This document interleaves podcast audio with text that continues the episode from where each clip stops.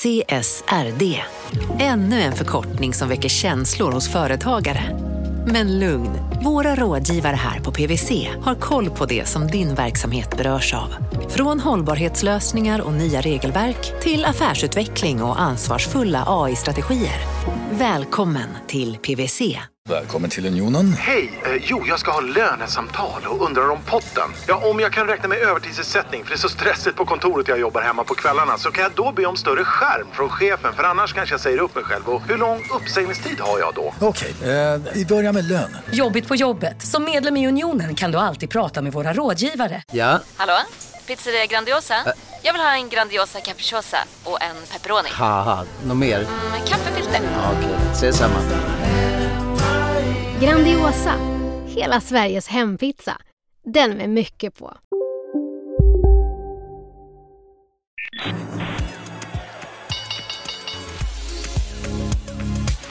Det här är Affärsvärlden Magasin med Helene Rådstein.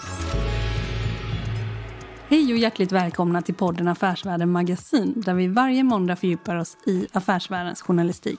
Jag heter Helene Rothstein och idag sitter jag här med Niklas Larsson och du är fondförvaltare för Swedbank Robur Småbolagsfond Global. Välkommen hit! Tack så mycket. Vi ska prata lite vad du letar efter i fonden, men du har varit där länge, eller hur? Det stämmer. Eh, Jag fick räkna på mina fingrar och kom fram till att 13 år har jag nog eh, varit där nu. Ja, då fick du ta en hand till. Stämmer. Ja, det stämmer. Stämmer. Du, eh, du letar efter mindre bolag ute i världen som har lite samma tema kan man säga. Men eh, jag vet att hä- hälften av din portfölj är mot eh, den amerikanska marknaden. Och det för oss ju osökt in på de här rusningarna som har varit i USA. Nu spelar vi in på fredagen, det är den 29 januari 2021. Och eh, vi såg några galna rusningar i... Det börjar väl med GameStop, eller hur? Ja, det stämmer. Eh, det är, det är ungefär som att sitta och titta på en bilkrasch känns det som. Det är väldigt fascinerande. För det man kan säga det, det har varit en galen rusning i aktien GameStop bland annat. Och det är ju en avdankad butikskedja som säljer spel utan att det kan... Den här rusningen kan liksom inte förklaras av några bolagsnyheter. Utan i centrum för detta är ju nästan Reddit, eller hur? Kan du berätta lite, vad, vad, vad är det som har hänt här? Eh, Ja, vi, det är svårt, eh, för det finns så extremt Hjälp. många dimensioner på det här. Men eh, om man spolar bandet tillbaka lite grann så tror jag att från första, första början så var det nog några investerare som tyckte att ja, men det här har gått för långt. Eh, En investering är alltid skillnad i vad man får och vad man betalar. Och vid någon tidpunkt så tyckte någon att man faktiskt hittar värde i den här aktien. Det som hände sen, det var nog att några började inse att det är väldigt mycket hedgefonder som är korta här. Och eh, det kan ju vara svårt att få in då, men det är ju faktiskt mer, fler aktier kortade än vad det finns aktier. Bara det kan vara svårt att ta till sig. Men det handlar ju då om att någon har shortat en aktie, eller kortat, blankat, eh, som vi säger. Och sen sålt, sålt den vidare till nästa person som i sin tur har lånat ut den och som gjort att någon annan kan få blanka den igen. Mm. Så det betyder ju att om man börjar köpa de här aktierna och att de skulle komma upp lite, gå upp lite grann, då börjar det bli svettigt för de här hedgefonderna och de känner sig tvingade att Också köpa. Exakt, de ska stänga sina korta positioner som gör att de köper och snart har du en spiral då, som fö- föder sig själv. Och därtill har det varit eh, köpoptioner till exempel som också, också har spelat in här, eller hur? Som också har drivit upp kurserna eh, Ja, precis. ytterligare. Eh, Det man kallar det här första då, fenomenet med eh, blankare som behöver täcka sina positioner, det kallar man för en short squeeze, att man då liksom pressar ut de här blankarna. Det andra som har gjort är att de här investerarna, eller de här det är väldigt mycket privatpersoner, vanliga amerikaner och säkert fler nationaliteter som har kommit till senaste gör att man köper optioner som då är med en så kallad strike price, um, lite högre upp. Den som ger ut den här optionen måste sedan hedga sig på sin sida. Och i takt med att aktien går upp så måste de öka sina hedgar som, köp, som då tvingar dem att köpa mer som då trycker upp aktien ännu mer. Så att det är egentligen två tekniska fenomen som har spett på det här.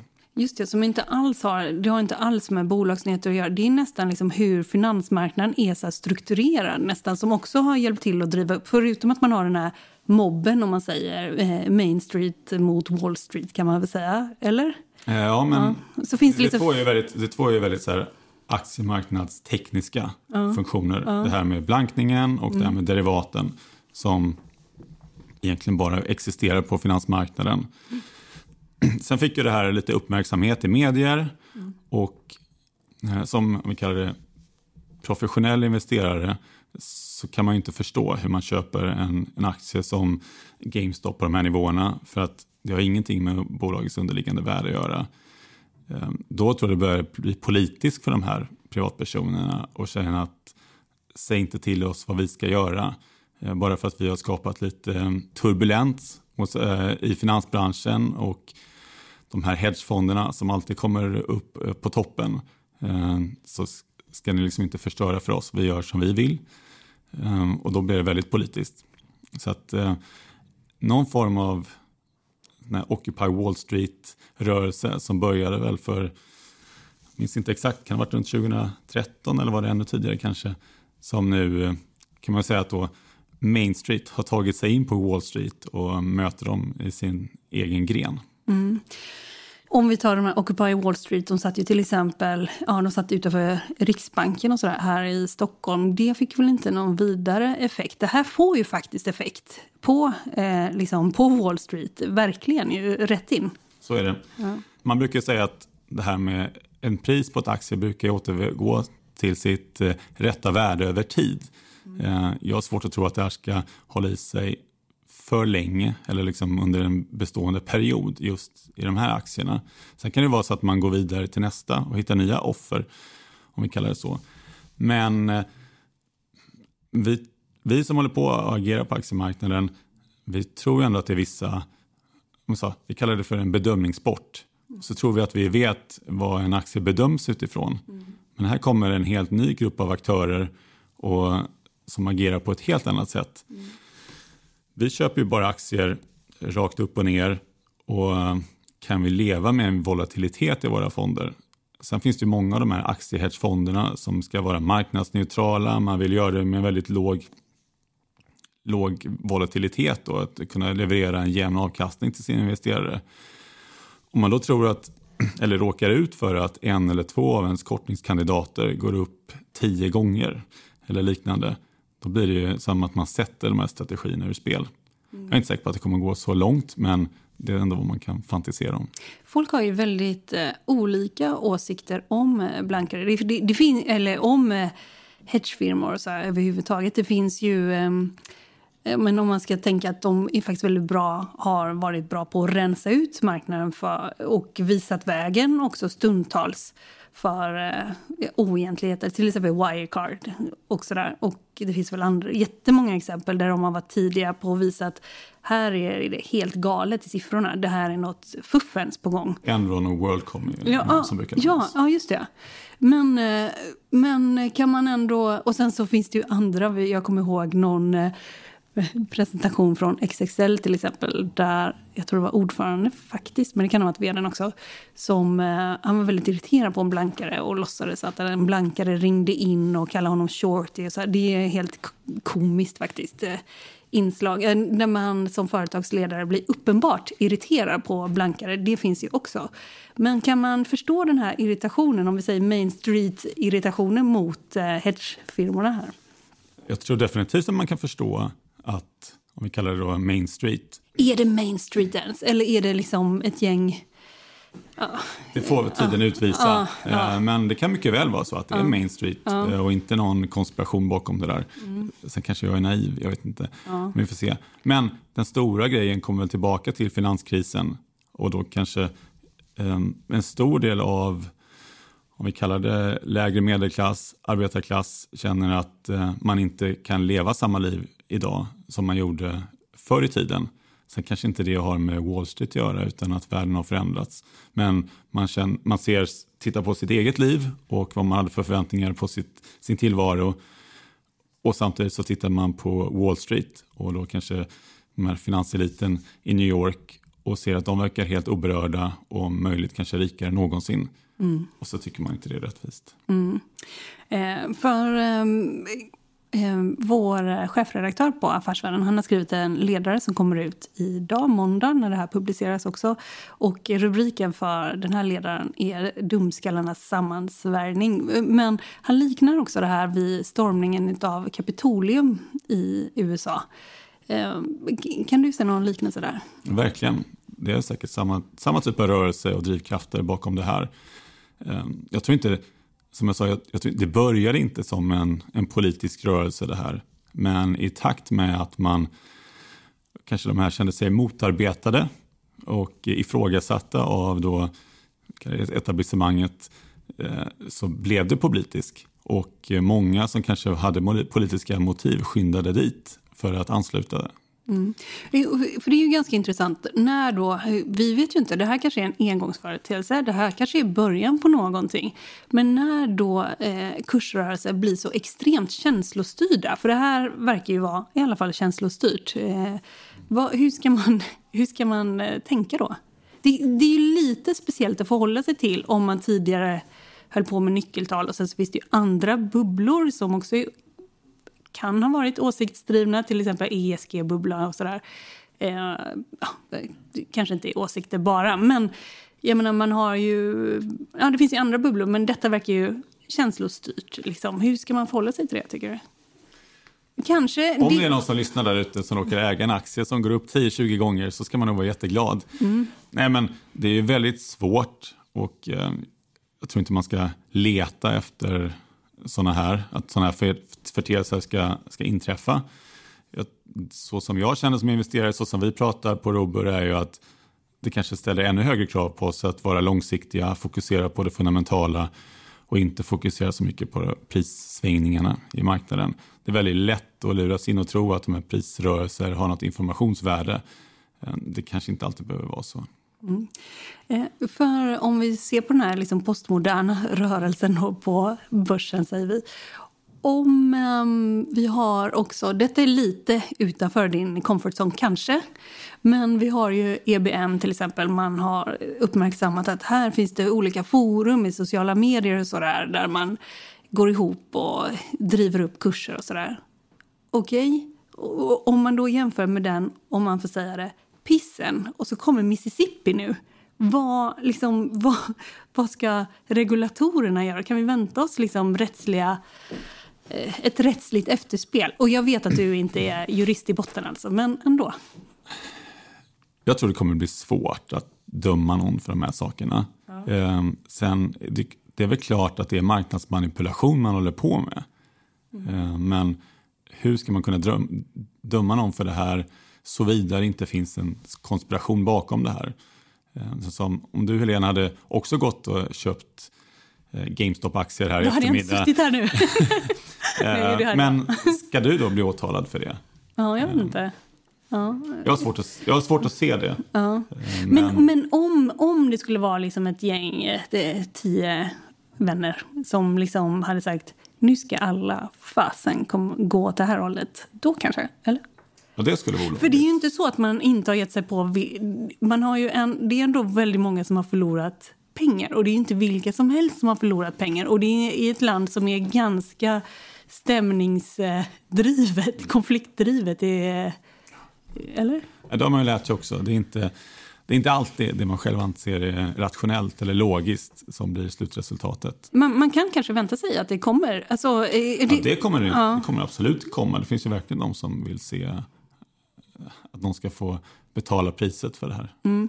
Och sen, nu pratar vi bara om GameStop, men vi har ju andra också som har rusat med. En biografkedja till exempel, som inte heter ANC utan... AMC. AMC, Och sen så... Eh, eh, vi har gamla hedliga Blackberry ja. som satte varenda finansnisses hand för tio år sedan. Mm. Inte längre. Inte längre. Nej. Och det är ju det man ska säga. Nokia också. No Nokia har slängts med i det här. Mm. Eh, det har lite svårt att förstå, men jag, jag följer inte Nokia på daglig basis heller. Mm. Men skulle man eh, kunna tänka sig något sånt här skulle kunna hända i Sverige? Och vi har sett några kanske som man undrar lite, vad är det här för någonting? Telia eller? Telia har väl varit med, man, här, det tekniska bakom det här är att man ger sig på de bolagen som har ett högt så kallat short interest, eller är stor andel av aktiekapitalet som är blankat just. Mm.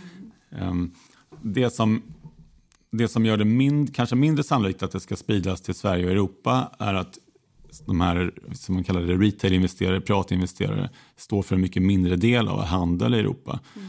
Jag tror jag läste att i USA är ungefär 30 procent medan i Europa kanske motsvarande siffra 2. Mm. Som gör att även om det inte är lika,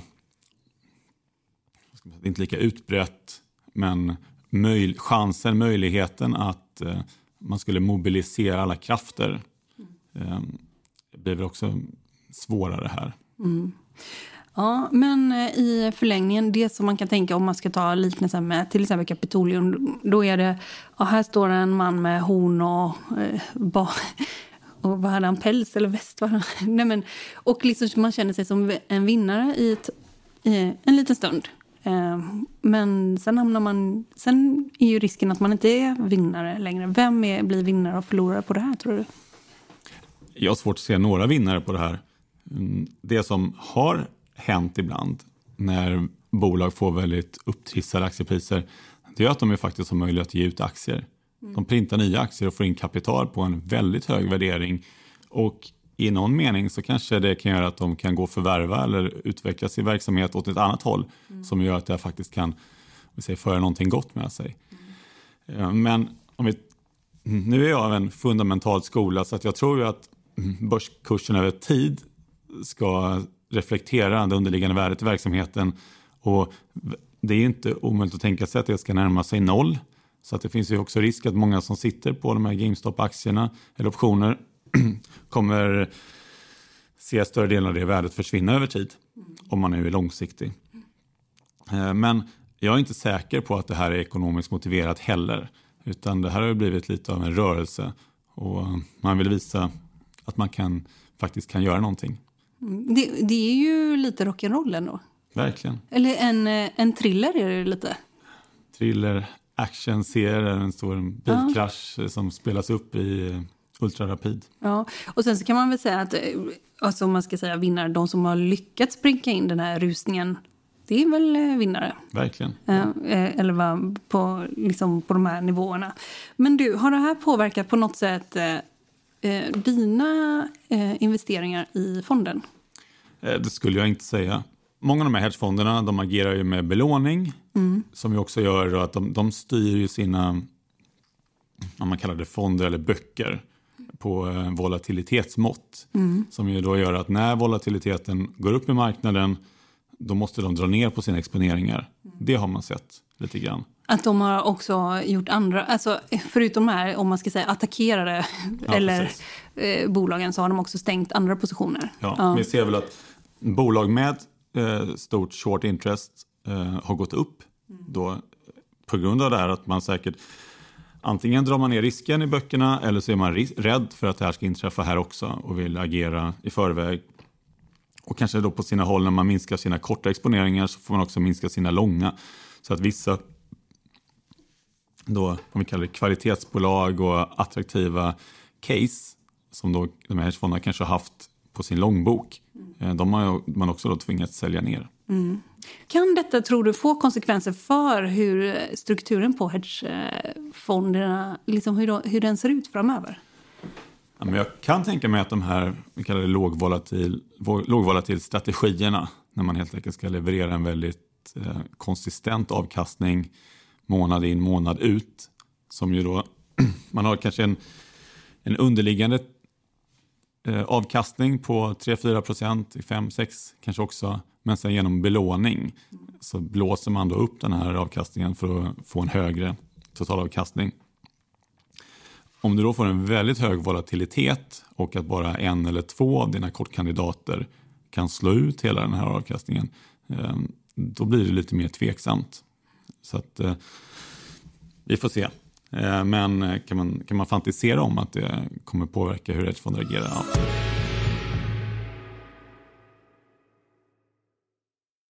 Marknaden sponsras av SPP, pensionsbolaget. Eh, förra gången pratade vi lite om ITP. Och som en kort repetition så, så var det ju 70-tal, arbetsmarknadens parter bestämde att alla tjänstemän ska ha en tjänstepension. Man kom överens om vilka villkor som ska gälla i den här pensionen och så kallade man den för ITP. Så jobbar man idag som tjänsteman i ett företag med kollektivavtal, då har man förmodligen den här pensionen, ITP-pensionen. Eh, och det är ju så att man kan påverka eh, den här pensionen, hur den är placerad. Vart femte år så gör nämligen Collectum, som de heter, en enorm upphandling där olika pensionsbolag kan ansöka om att få förvalta eh, de här pensionerna. Och SPP är ett av bolagen som valdes ut i den senaste upphandlingen. Och sen kan du som pensionssparare välja vilket av de här olika pensionsbolagen som, som då ska få ta hand om dina pengar. Och tanken med den här upphandlingen är ju att liksom kvalitetssäkra de här olika alternativen eh, men också att förhandla fram stora rabatter så att pensionsspararna ska få ja, kunna spara pengar genom att avgifterna eh, som är så viktiga eh, blir eh, lägre. Och vill man välja någonting i ITP-systemet då finns det en relativt ny sajt som heter avtalat.se. Ehm, där kan man gå in och se hur sin ITP-pension är placerad. Jag gjorde det häromdagen faktiskt. Ehm, idén är att hälften av pengarna alltid ligger i något som kallas för traditionell försäkring. Det här gjorde vi ett avsnitt om i podden Kapitalet nyligen eh, som vi kallade världens bästa sparform. kan man lyssna på om man är intresserad. Eh, den andra halvan eh, den kan man också lägga i en traditionell försäkring eller så kan man placera det i något som kallas för fondförsäkring. Eh, SPP som sagt eh, var ju ett av de fåtal bolagen som valdes ut i den senaste upphandlingen och de finns med som alternativ både med en traditionell försäkring och med eh, fonder. Så det var en liten bakgrund till ITP-systemet. Vill man läsa mer om det här eller typ kolla hur ITP-pensionen är placerad, eh, kanske göra förändringar, då går man in på avtalat.se.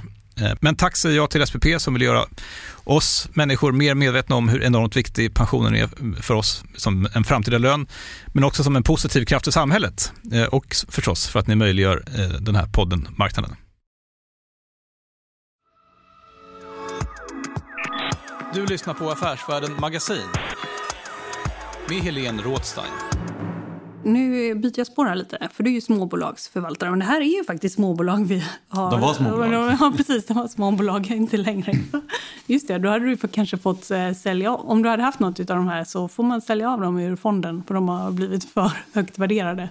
Eller? Potentiellt. Eh, rent tekniskt, eh, jag måste inte sälja av. Däremot är det en produkt som vi har vi kallar det ett kundlöfte ja. som vi vill infria. Ja. Att, uh, att det ska vara småbolag. Ja.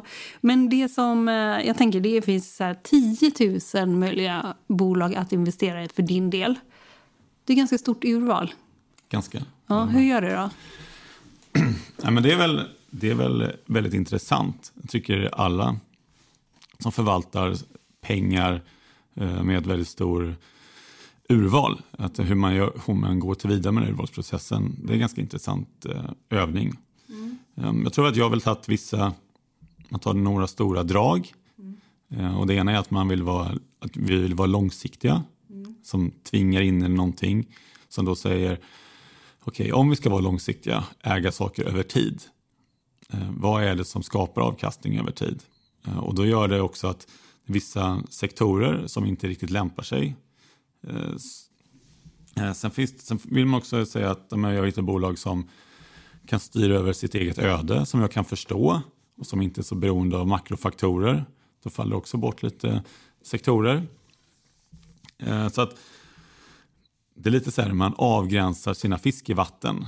Var, hittar man, var har man en högre sannolikhet att hitta de stora fiskarna helt enkelt? Mm. Um, och så får man fundera på vad är det som driver avkastning.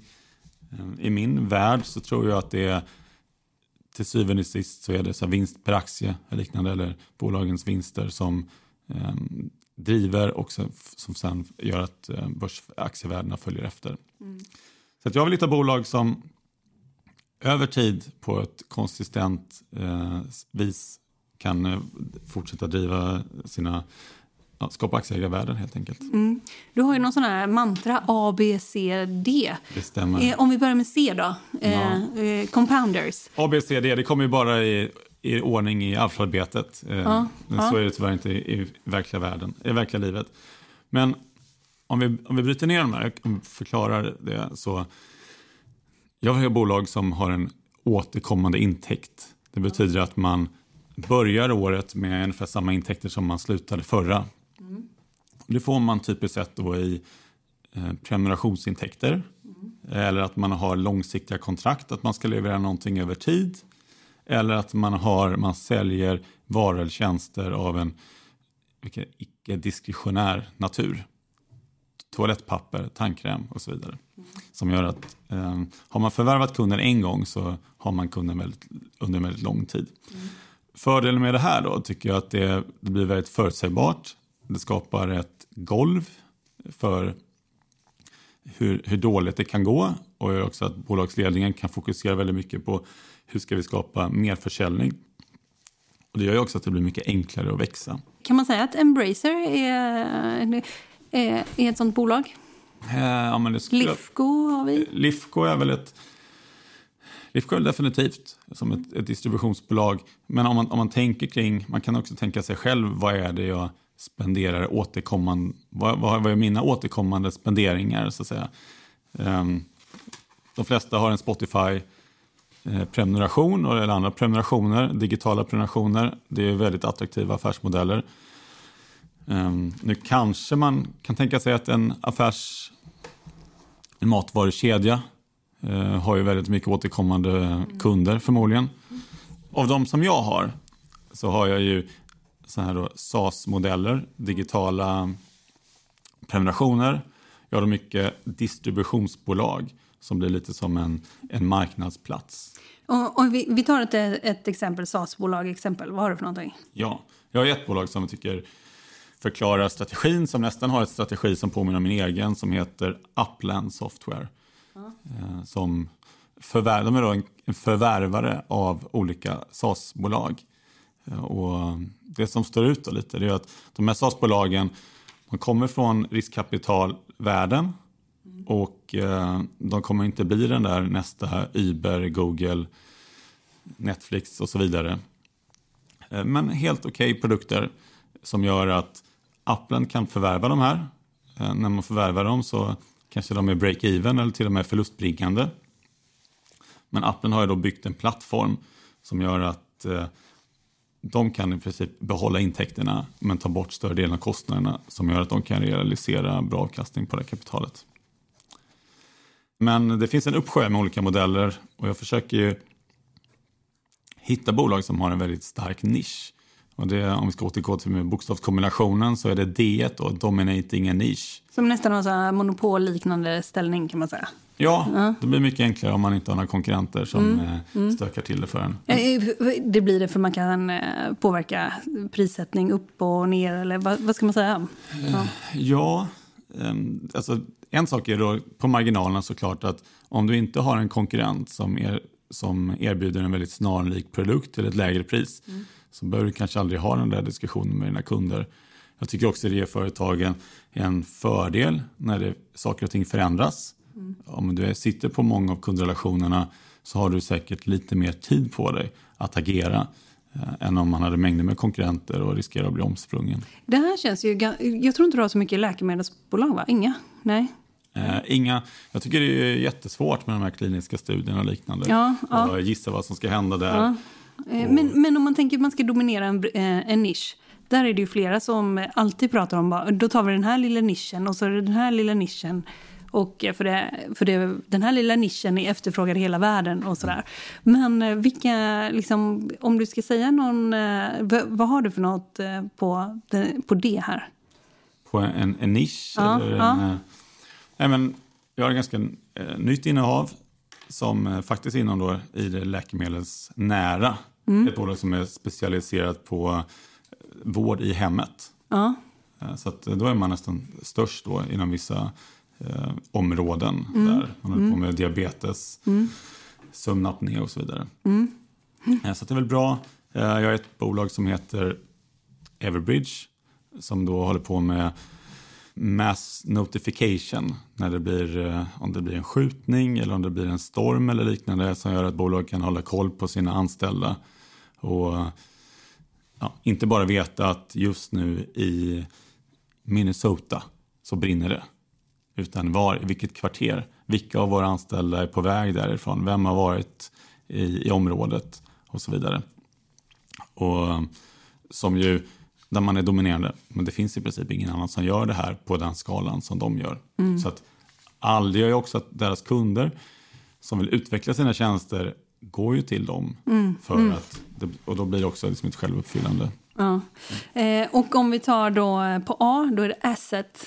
Asset, Asset light, light. Är jag att ehm, Ja. om man bara ska ta det här med när långsiktigheten och allt det här, mina ABCD, det ska ju mynna ut i någon form av compounding, ränta på ränta, Mm. som gör att ett bolag ska kunna generera kassaflöde som man sedan investerar till en hög avkastning som ska ge, ny, ge nya kassaflöden som man ska kunna investera till en ny avkastning. Mm. Om man ska kunna generera pengar så blir det mycket enklare om, man inte redan, om inte verksamheten kräver massa kapital. Eh, Så att, eh, det jag försöker göra är att hitta förutsägbara intäkter, vinster och kassaflöden. Eh, Och sen då att de här kassaflödena ska kunna återinvesteras till en hög avkastning. Då ska vi se här, B. B. Boltons. Ja, absolut. absolut. Så att Tilläggsförvärv. Tilläggsförvärv. Ja. Det är väl så här, man kan ju få en hög avkastning på många olika sätt. Mm. I en verksamhet kan det vara att man anställer nya säljare. Man kanske gör ett utvecklingsprojekt med en kund som man kan få avkastning på. Det tycker jag är ganska väl förstått. Eh, vart de här bolagen, vart bolag rör sig organiskt. Jag tycker att bolag som på ett konsistent och värdeskapande sätt gör förvärv. Man kallar det för boltons och i vissa fall kallar man de här serieförvärvare. Det är många svenska bolag som har svart bälte i det här. och har gjort det jättebra. Mm. Det är ingenting som finns med i några analytikermodeller. Även om alla vet att det kommer att ske så är de väldigt försiktiga att lägga in sånt här i estimaten. Som gör att alla riktkurser, alla, alla siffror som eventuella datorer har att förlita sig på är någonstans ja, vad ska vi kalla det, felaktiga. Eller inte riktigt, Under, det, det, blir fall. un, undervärderade menar Ja, du? jag säga. Eh, Framförallt om man har visat att man kan skapa värde genom att göra Ja, förvärv. mm. Så att jag tycker att det måste inte vara Boltons. Men jag tycker att det är en ganska, eller en attraktiv, eh, attraktiv kapital eh, sätt att allokera kapital. Om man gör det på rätt sätt. För då kör du din så här, A, A, B, C, D. Varje innehav ska uppfylla detta? Eller det räcker med att man är på... I den bästa av världar Så har de alla? Ja. så har de alla. Och det blir också så här, ibland stöter man på bolag och management. Och det är nästan som att när de pratar om sin affär så tänker de i samma termer. Då vet man att de har också förstått. eh, vad De har som- mikrofoner hemma hos dig? Ja, nej, det vet jag inte. Ja. Men de har också förstått vad det är som skapar, eh, skapar värde. Ja. Och när man då när man då designar sin affärsmodell efter det här, då får man med sig alla delarna. Sen kan det vara vissa delar där det kanske är svårt att vara en dominerande spelare på en jättestor marknad. Men då kanske man kan luta sig tillbaka via att men, marknaden växer så mycket så att det kommer finnas plats för flera spelare ändå. Men, eh, men för då har du dessa, så tar du den här modellen och då kan du ha liksom väldigt snarlika bolag fast på olika kontinenter ungefär, eller i olika länder. Nej, men så blir det. Ja. Och det är väl den... Som global förvaltare så riskerar man ju att veta minst om ett bolag när man kommer. Man får ställa lite dumma frågor och sånt där. För att ja, man vet enkelt ganska lite om väldigt mycket. Eh, Men styrkorna då, det är ju någon form av vi kallar det mönsterigenkänning. Att man har sett en affärsmodell, man har sett att den fungerar och så kan man, när man dyker på någonting eh, i en geografi så vet man att ja, men du, det där är en bra affärsmodell. Och kan man bara säkerställa att de vet hur, man, hur de ska kallar det, exekvera sin affär Mm. eller driva det bolaget, eh, då kommer det nog bli väldigt bra till slut. Mm. För jag vet här, precis innan så talade vi, eh, innan vi satte på mikrofonen så, där, så eh, talade vi om att eh, ett afrikanskt bolag, det är i och för sig noterat på Londonbörsen. Eh, men liksom om man ser på den, Helios Towers heter den, det innehavet, och som har mobilmasta va? Ja, Stämmer? Ja. Eh, Och eh, då så sa du, ja, och då, eh, vi, vi kan prata lite om mobilmasta faktiskt, för det var ganska roligt. Men eh, att då har du dem där, Helios Towers, och sen så har du ett annat italienskt innehav som gör ungefär samma. Så vad heter det? Invit. Ja, Invit. Och sen så har du ytterligare ett mastbolag, Eh, eller? Jag ägde tidigare då ett spanskt bolag som heter Cellnex. Ja. Eh, som också på samma tema. Men kan vi, för, för, om, vi, för om vi tar eh, Helios Towers. Vad, liksom, om man tänker att ja, du ska ha mastbolag. Då är det ändå... Va, va, vad är vitsen med det? Ja, men det, det fina med masterna det är att du sätter upp en mast en gång. Ja. Um, och när man pratar om de här masterna, det är alltså bara den fysiska masten som de här bolagen äger. Mm. I vissa fall så äger man marken den står på Mm. eller så hyr man den av markägaren. Om vi tar alla typer av fastigheter så kan du nästan bara hyra ut samma yta en gång. Medan det, så att säga, det fina i den här kråksången är att du kan sätta både två och tre radiostationer på samma mast. Eh, det brukar kallas för tenancy ratio i det här eh, ja, i slang i industrin ska man kalla det. Som gör att den första hyresgästen redan där täcker du vissa kostnader och får en avkastning på det här. Men när du sedan adderar den andra så går ju alla intäkterna hela vägen ner till sista raden. Så att du har en enorm hävstång i att få upp din tenancy ratio som är väldigt attraktivt. Följden är ju att de här kunderna till massbolagen, det är ju väldigt, lite speciellt här i Norden då i och med att dels, det är inte ovanligt att, master, eller att telekomoperatörerna äger sina master. Men jag tror nästan det är unikt att telekomoperatörerna går ihop och samäger masterna. Jag tror det finns ju massa olika samarbeten mellan Telia, Telenor och Tele2 och så vidare. Men det är lite samma princip att man ser inget unikt i att äga masterna utan man kan sälja av dem och sen så blir det som en delad infrastruktur som alla kan få nytta av och därmed få ner kostnaderna för det. Men eh, jag måste bara fråga, det är ju inte så där heller utan risk till exempel om man tar mastbolag som är verksamma i Afrika, till exempel i Demokratiska republiken Kongo. Hur, hur tänker du kring, eh, kring sådana politiska risker? Jag tror att det är jättesvårt att... Alltså, risker är ju aldrig, det är ju inte binärt heller. Utan det kan ju vara så att det är jättestor risk men att det går bra och sen så kan det vara en liten risk och så går det inte bra. Så att det är nog svårt att bilda sig en, ha en stark uppfattning om det där. Jag har en väldigt stor, stark tilltro till affärsmodellen. Och det är klart att ett, eh, så- någon sån här tillgångar skulle kunna bli nationaliserande. Då tror jag de här nationerna skjuter sig själva i foten. Det skulle nog vara väldigt ödesdigert för, för ekonomierna på sikt. Ehm, så att jag tycker att det här är en, vi kallar en vital infrastruktur för landet. Som det är mer och mer att länder faktiskt opererar och fungerar över mobilnäten. Framförallt för den här delen av världen där det nästan inte finns någon traditionell alltså, nedgrävda kopparlinor att förlita sig på. Så att man måste ha en eh, lite leap of faith som man säger i, eh, på engelska. Att eh, det här är någonting som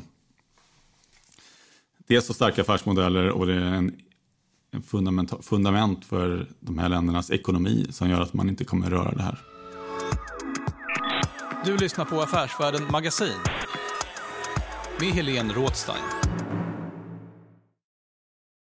Eh, Marknaden sponsras av Karla. Eh, Vi pratar ju en hel del om bilar här- på kontoret. Eh, Karla har ju skapat, skulle jag säga, det som är standarden för hur man idag köper och säljer bilar på nätet. Eh, kort bakgrund bara. Eh, Karla säljer och leasar begagnade elbilar eh, och laddhybrider på karla.se. Alltså en helt eh, digital upplevelse. Och man har gjort det här med ett nästan maniskt fokus på vad en bilköpare faktiskt behöver. Jag gjorde ju en intervju med en av grundarna, Patrik Illerstig, i marknaden här eh, ganska nyligen, eh, daterad 25 mars, om man vill lyssna på den. Eh, men där berättar han hur de kom in i det här lite från vänster för att försöka uppfinna hela den här liksom bilköpupplevelsen från början. Och de har idag, vilket är rätt otroligt, 4,8 i betyg eh, på Trustpilot. Jag, jag har sett många företagssidor på Trustpilot, men det här är nog bland eh, det bästa jag någonsin sett faktiskt. Man kan sälja bilen till Karla också. Eh, då går man in på karla.se, delar lite info om bilen, sen får man en gratis värdering och ett bud. De hämtar bilen helt gratis i hela Sverige och så har man pengarna på kontot i samma stund som de hämtar bilen. Det är grymt. Eh, så ska du köpa en ny bil eller sälja din gamla, eller båda delar för den delen, gå in på karla.se och eh, kolla. Alltså karla.se och Karla stavas med C. Tack så mycket till Karla. Du hade Ahlsell tidigare, ja, innan, när de fanns på börsen. Mm. Men kan du berätta lite om det? Och så letar du efter motsvarande Ahlsellisar ja, i andra delar ja. utav världen, eller hur? Uh, nej, men Ahlsell är ju, kvalar ju in, eller det vi kallar för distributörer. Ja. Det distributörer gör väldigt bra, det är att man är någon form av marknadsplats. När du har en väldigt diversifierad leverantörskedja, ja. jag vet inte hur många leverantörer Ahlsell har, och sen förmodligen ännu mer kunder. Mm. Det blir ju väldigt ineffektivt om varje kund ska ha en relation med varje leverantör. Mm. Så det skulle liksom bli massa linjer fram och tillbaka. Men om man istället då kan ha en nod i mitten som i princip bara är en större... The go-to guy. The go-to guy. Mm. Eh, och ofta här, liksom, likt som i Ahlsell, så handlar det om mycket hantverkare som börjar sin dag eh, hos de här leverantörerna. Eh, man får en kopp kaffe och man går och plockar ihop de här varorna man behöver under dagen. Har man inte de här varorna då kan man inte utföra sitt jobb och då förlorar man pengar. Eh, så att det är en, det är en, man säljer ju saker men egentligen förmedlar man någon annans produkter. Men det är också ett väldigt högt servicegrad. Mm. ibland så utsätts de här affärsmodellerna för någon typ form av online disruption. Att man säger att men, det här kan Amazon göra. Mm. Det var några år sedan på ett kvartal när alla de här bolagen skulle, gick ner massor för att Amazon skulle ersätta allt. Men givet att man är så beroende av att ha produkterna där i tid också gör ju att eh, och många av de här har inte möjlighet att föra lager heller. Utan det här är deras lager nästan. Så, eh, så har man en väldigt stark ställning. Och här finns ju också eh, liksom, och här finns ju de som är distributörer i en nisch. Precis. kan man säga då, ja. till exempel. Som, som vi, du har Pool Corp, heter det va? Pool Corp heter det här. De är med bas i, vad var det, Louisiana eller något sånt ja, Precis. Ja. Mm. Och, och de har allting då som en eh, poolreparatör behöver kan man säga. Ja. Och så samlar man det ja. ihop.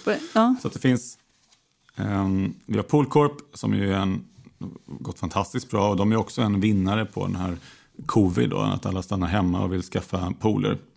Mm. Det fina i, po i Poolcorp och anledningen att jag äger den, om man tänker tillbaka till de här ABCD, det är att nyinstallationer av pooler är en ganska liten del av deras intäkterna. Utan väldigt mycket handlar ju om um, delar och uh, delar och eh, säga, tabletter och liknande. Alla sådana saker som en pool behöver bara för att hålla igång. Ja, har, har du pool? Nej. Det verkar vara helvete att ha pool. Ja, ja, men det är lätt att drömma om. Ja, ja, ja, ja, det är det verkligen. Men okej. Okay. Ja, och, ähm, ja. Och, men hur gör du då för att hitta... Ett, liksom, du har de här modellerna och så ser du ungefär motsvarande affärsmodeller som ska passa in i det här ABCD över hela världen. För då förstår du i grunden vad de håller på med för någonting. Eh, och framförallt kanske då nisch. Liksom. Men hur hittar du dem från början? Alltså screeningen. Ja, men det är många som vill komma och lämna förslag på hur man ska screena där. En av delarna är ju att det är nästan framtaget för att det inte ska gå att screena. Ja. Eh, hade det varit lätt, då hade ju inte avkastningen funnits där längre. Nej. Så att eh, mitt främsta verktyg, det är det vi håller på med nu. Berätta för andra människor om vad jag letar efter. Många av de här bolagen är kanske inte uppenbart billiga. Eh, och många kanske inte riktigt förstår storheten i det. Men när jag berättar vad jag letar efter så kanske man säger, ja men kolla på bolag X. Eh, det verkar ungefär vara det. Det är alldeles för dyrt. Eh, men eh, ja, det är ungefär vad som skulle passa. Vad är den sämsta investeringen du har gjort? Eller liksom slash som du ångrar, där du tänker det här borde jag faktiskt ha fattat? Ja, men det fanns ett bolag som, som fanns i fonden tidigare som var ett lite av ett... Um, de, sålde, de sålde bredband kan man säga, till företag. Det låter som, bra. Ja, men det låter ju bra. Uh. Allting. Uh, problemet var att de hade för hög churn. Alltså att de tappade för stor del av sina intäkter varje år. Som man då, på den här återkommande försäljningen så, jag vet inte om man ska säga att man förleddes, men produkten i sig var ju ganska återkommande. Men så fort den här Man kanske, man kanske inte var dominerande, kanske var det som var problemet. För att så fort det här kontraktet gick ut så bytte kunden och man tappade för stor andel av intäkterna som gjorde att i takt med att man blev, blev större så behövde du fler och fler anställda säljare bara för att hålla, förvänt, äh, hålla försäljningen flat. Eh, I samband med det här, på ett ABCD-manér så gjorde man förvärv som gjorde att man också drog på sig skulder som gjorde att eh, till slut så hamnade man i en väldigt liksom, prekär situation när skuld blev ett problem. Och det jobbiga är ju då att man egentligen för att, för att gasa så behöver man anställa fler folk, för det är det som drev försäljningen, samtidigt som det är en investering som man tar upfront. Mm. När man också behöver kapital för att betala sina räntekostnader. Så att, eh, det var någonting som eh, går fel. Jag tror man kan väl, man kommer alltid göra fel. Och eh, som ja, Michael Jordan brukar ju vara, lyftas fram som något eh, citat där, att anledningen att jag lyckades var för att jag misslyckades så många gånger. Eh, men det viktiga är väl att ta med sig någonting från sina misstag och eh, inte göra dem igen helt enkelt. Mm. För, för, för, när borde du ha fattat, eh, för då drog du dig ur för sent då kan man säga? Ja, absolut. Ja, ja. Eh, men det svåra i det här, framförallt på, om vi kallar det på nedsidan, det är att jag tror för att vara en framgångsrik investerare över tid så måste man våga hålla fast på det man tror på. Det kommer alltid komma folk och så här lite vargen kommer. Mm. Um, och om man då har hållit på med det här ett tag, då är den instinktiva tanken att slå bort de här liksom, eh, vargenropen. Mm. Det svåra är ju då när de där är rätt. Att om man tänker från de här, hur en hjärna fungerar, att eh, först slå bort de här instinkt, instinkterna från medelålders hjärnan när man agerar på rädsla och sen liksom börja tänka med den här liksom mer logiska hjärnan och sen våga komma fram till samma, samma slutsats som medelålders eller medeltidshjärnan. Medelålders. Medelålders. ja, ja. Um, så att uh, man, man vill gärna vara lite contrarian uh, i det här mm. och inte ryckas med. Och då, då är det rätt att man istället går åt andra hållet eh, och blir lite ignorant istället. Mm. Oh, det här ska bli väldigt spännande framöver. Vad tror du, det här avsnittet eh, släpps på måndag. Vad tror du kommer hända med de här GameStop och Nokia? Liksom, har du någon, om du ska... Du, nu, ja, nu, risken är ju jättestor att du får fel här nu om jag ska stressa upp det lite. Men, mm. men eh, vad, vad tror du? Uh, jag tror att Alltså på sikt så kan jag inte för mitt liv förstå hur det här ska hålla sig vid liv. Mm. Så att, men det är liksom en game. Hur långt bort det är, det vet jag inte riktigt heller. Eh, men vad kommer, om liksom man ska fantisera i vad det är som får, får det att brista så att säga. Så vill jag tro att ju, ju längre det går, ju mer kommer det krävas för att hålla det här uppe. Eh, och till slut så kanske det blir så stort att det, liksom, det spricker av sig själv. Eh, för det är, ju, det är väl ganska kul säkert att hålla i det här. Och det är väl också om man ser till sig själv. Det är lätt att vara entusiastisk över någonting. Eh, vare sig det är något intresse eller någonting man har köpt. Men man orkar ju liksom inte hålla uppe den här Euforin nästan. Euforin, ja. exakt. Den börjar ju avta och snart så tröttnar man lite. Liksom. Och lägger man inte mer vedträd på elden så pyser det ut tror jag. Ja, det här blir väldigt intressant att följa. Det blir en väldigt intressant vecka kan man ju säga. Verkligen. Som kommer och det, ja. det som man vill titta redan nu är det allt vi har sagt här är redan obsolet. ja, verkligen. Du, jag säger tack till dig Niklas Larsson, fondförvaltare på Swedbank Robur, småbolagsfond. Global heter den också. Tack för att du var med i podden Affärsvärlden Magasin. Tack för att jag fick komma hit. Du har lyssnat på podden Affärsvärlden Magasin med mig, Helene Rothstein. Mer information och mer uppslag och mer journalistik hittar du på www.affärsvärlden.se. Och där kan man också läsa faktiskt det som eh, går under vignetten Dumskallarnas sammansvärjning. Så får vi se vad som händer. Den här podden den är tillbaka om en vecka. Håll ut!